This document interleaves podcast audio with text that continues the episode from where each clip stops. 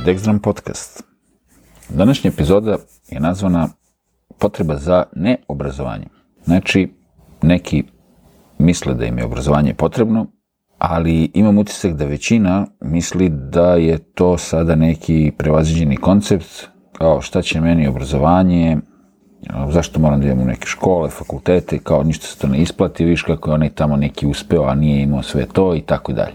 Po meni su to naivne predstave o tome kako funkcioniše život i, i svet i napredak uopšte, jer koliko god mislili ili imali utisak da se svet nigde ne kreće i da smo, ne znam, u najgorem momentu sada, ikada i da nema nikakvog napretka ni u čemu, bla, bla, bla i tako neke ovaj, prognoze koje su onako depresivne, a napredak se ipak neminovno događa.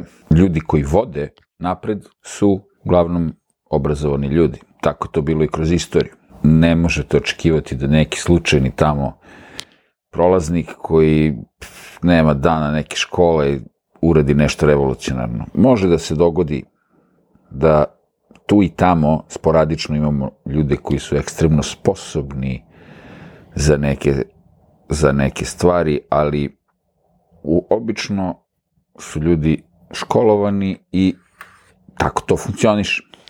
I sad mi naravno u našem društvu imamo još više izraženu tu potrebu za uh, podcenjivanjem obrazovanja i, i ovaj, školovanja, zato što mislim, živimo u takvom sistemu gde se vrednuje prevara, krađa, gde se to naravno karakteriše kao snalaženje, kao eto, snašao se. Uh, I onda taj snalaz u stvari se više vrednuje nego da je čovjek nešto uradio. Takođe imamo sad i drugi faktor, a to je što i mi učestvujemo u globalnom ovaj, trendu TikToka, ne znam, Instagrama, svih tih socijalnih medija koji promovišu u stvari jednu neradničku kulturu, sticajem okolnosti, tak, u takvom se trenutku sada nalazimo, gde postoje veoma poznati i popularni youtuberi, tiktokeri, instagrameri koji, eto, ne moraju nešto posebno. Znaju, setili su se nečega pre drugih i često su sadržaji koji se objavljuju onako trivialni i, i ne mnogo intelektualno naporni i tako se to ljudima dopada, tu se steknu pregledi, slava, popularnost, dobijaju naravno lovu od raznoraznih sponzora ili od raznih tih platformi, jel da, YouTube-a i tako dalje. I naravno klincima se čini da je to sada put.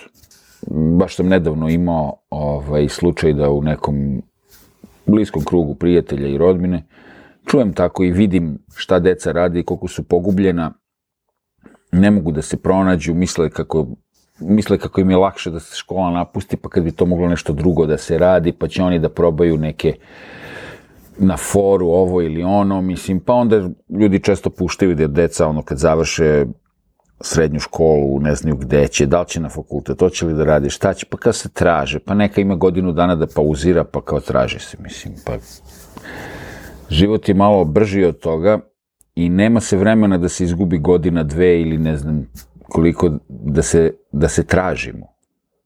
Mislim, to je strašno sada ovaj, kako, kako deca doživljavaju sve. Drugo, dosta klinaca želi da bude baš to, youtuber, instagramer, a, influencer zapravo. Devojčica koja kaže, želela bih da budem influencer.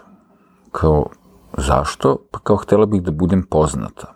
Pritom ona nije sve suprotno od, od nekog ko je, ko je ovaj, onako pravljen za tu akciju da bude poznat i, i influencer, zato što je potpuni kontrast od svega toga, povučena, mirna, malo priča i tako. Ali bi to htela da bude.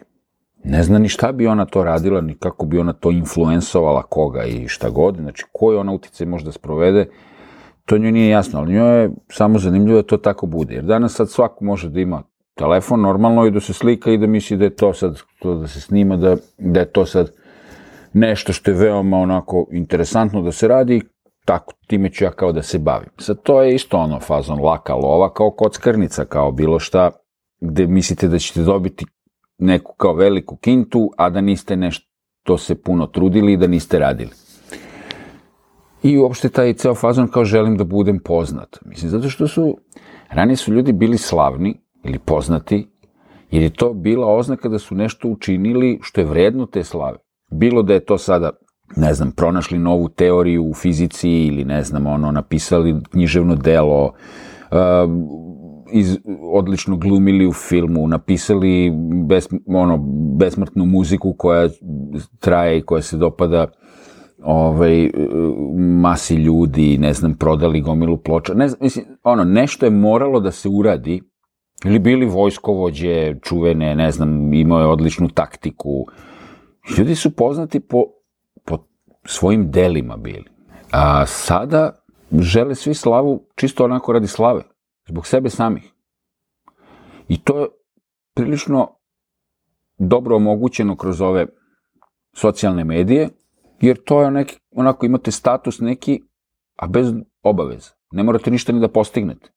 Samo može vam se posreći da taj neki vaš sadržaj se nekom dopada i tako se nađete u, u principu na pravo mesto u pravo vreme, ali bez nekog velikog truda možete sve to da, da radite. Naravno, neko se neće složiti i reći, pa dobro, ima ljudi koji sadržaj prave, koji je ozbiljan, bla, bla, bla i tako dalje. Ja govorim o sadržaju koji je trivialan i koji je pravljen samo za gubljenje vremena i za zajebanciju.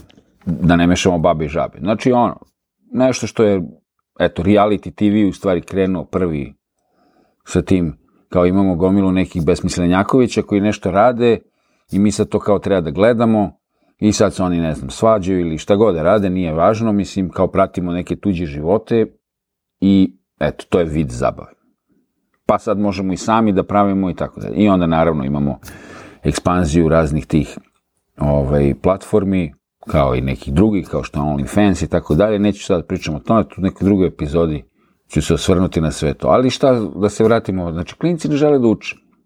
Nismo ni mi želeli da učimo. I kad mi neko kaže, pa dobro, šta sad ti teraš svoje dete, kao pa nismo ni mi učili, nismo ni mi bili ovo njo. Da, tako je. Deći se nikad ne uči, sve to stoji. Ima jedna razlika samo. Što su naši roditelji mislili da mi treba da učimo. Ili da idemo na neki zanat, ili ne znam. Nešto je moralo da se radi. Niko nije imao predstavu o tome da ne treba da se radi, ma kupit ćemo diplomu, upisat ćemo ga u neku školu, platit ćemo to, pa će onda ima neki papir da bi mogo negde nešto. Mislim, pa ćemo na foru, pa ne trebamo to, ma nema veze, evo, bit će youtuber ili ne znam šta, ljudi misle da kako su deca e, neviđeno pametna, samim tim što koriste telefon, kao u, on sve tu zna. Ne zna ništa, zna samo scrolluje gole dole i levo desno swipe i čao. Mislim, to je sve. Ove, ovaj, ako se baš ne zanimaju da budu neki kompjuteraši, programeri i tako. Roditelji ne teraju decu da rade, da uče, mali broj roditelja to radi.